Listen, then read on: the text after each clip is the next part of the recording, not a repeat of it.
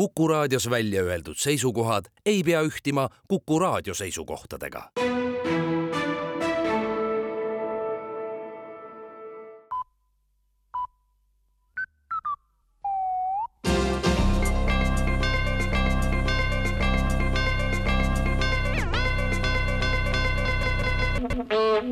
uudised on eetris ja stuudios Rohke Debelak. Valitsus annab teada, et on omalt poolt siiski pakkumas õpetajatele täiendavaid kompromisse streigi ärahoidmiseks ja esimene valitsusepoolne soovitus on, et õpetajad streigiks öösiti. tegemist võiks olla magamisstreigiga. see teeks ümmarguselt kaheksa tundi ööpäevas streigiaega ja sellise streigiga võiks valitsuse poolest jätkata ka aastaringselt. teine kompromissettepanek on, et õpetajad streigiks vahetundide ajal ka see teeb tubli tunni jagu streiki ühes päevas. oma õigusi saab nõuda ka nii, et keegi ei kannata. varsti lähevad kõik õpetajad pensionile ja siis on aega streikida juba aastakümneid ja ööpäevaringselt lisatakse valitsuse üleskutse lõpetuseks ja majandusest. kommertspangad teatavad, et eluasemete sundmüügi kõrvale tuleb alates uuest aastast uus teenus, milleks on sundost sundmüük ja sundost hakkavad teineteist täiendama, hetkel on ainult sundmüük, mis tihti tähendab, et ostjaid ei ole või on neid raske leida, sundostu puhul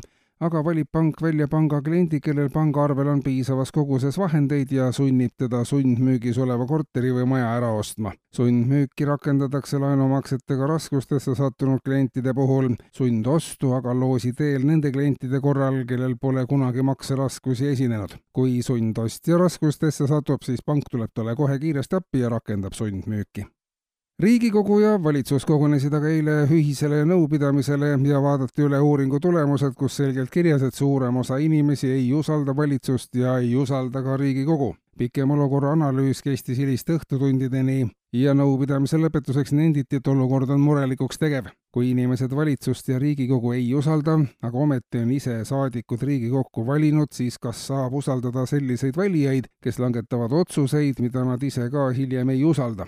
Käes on olukord, kus Riigikogul pole enam võimalik rahvast usaldada ja sellises üldises usaldamatus õhkkonnas on ka raske tööd teha. tõenäoliselt peab Riigikogu lähinädalatel rahva suhtes umbusaldusavaldusega esinema ja nõudma rahva laialisaatmist.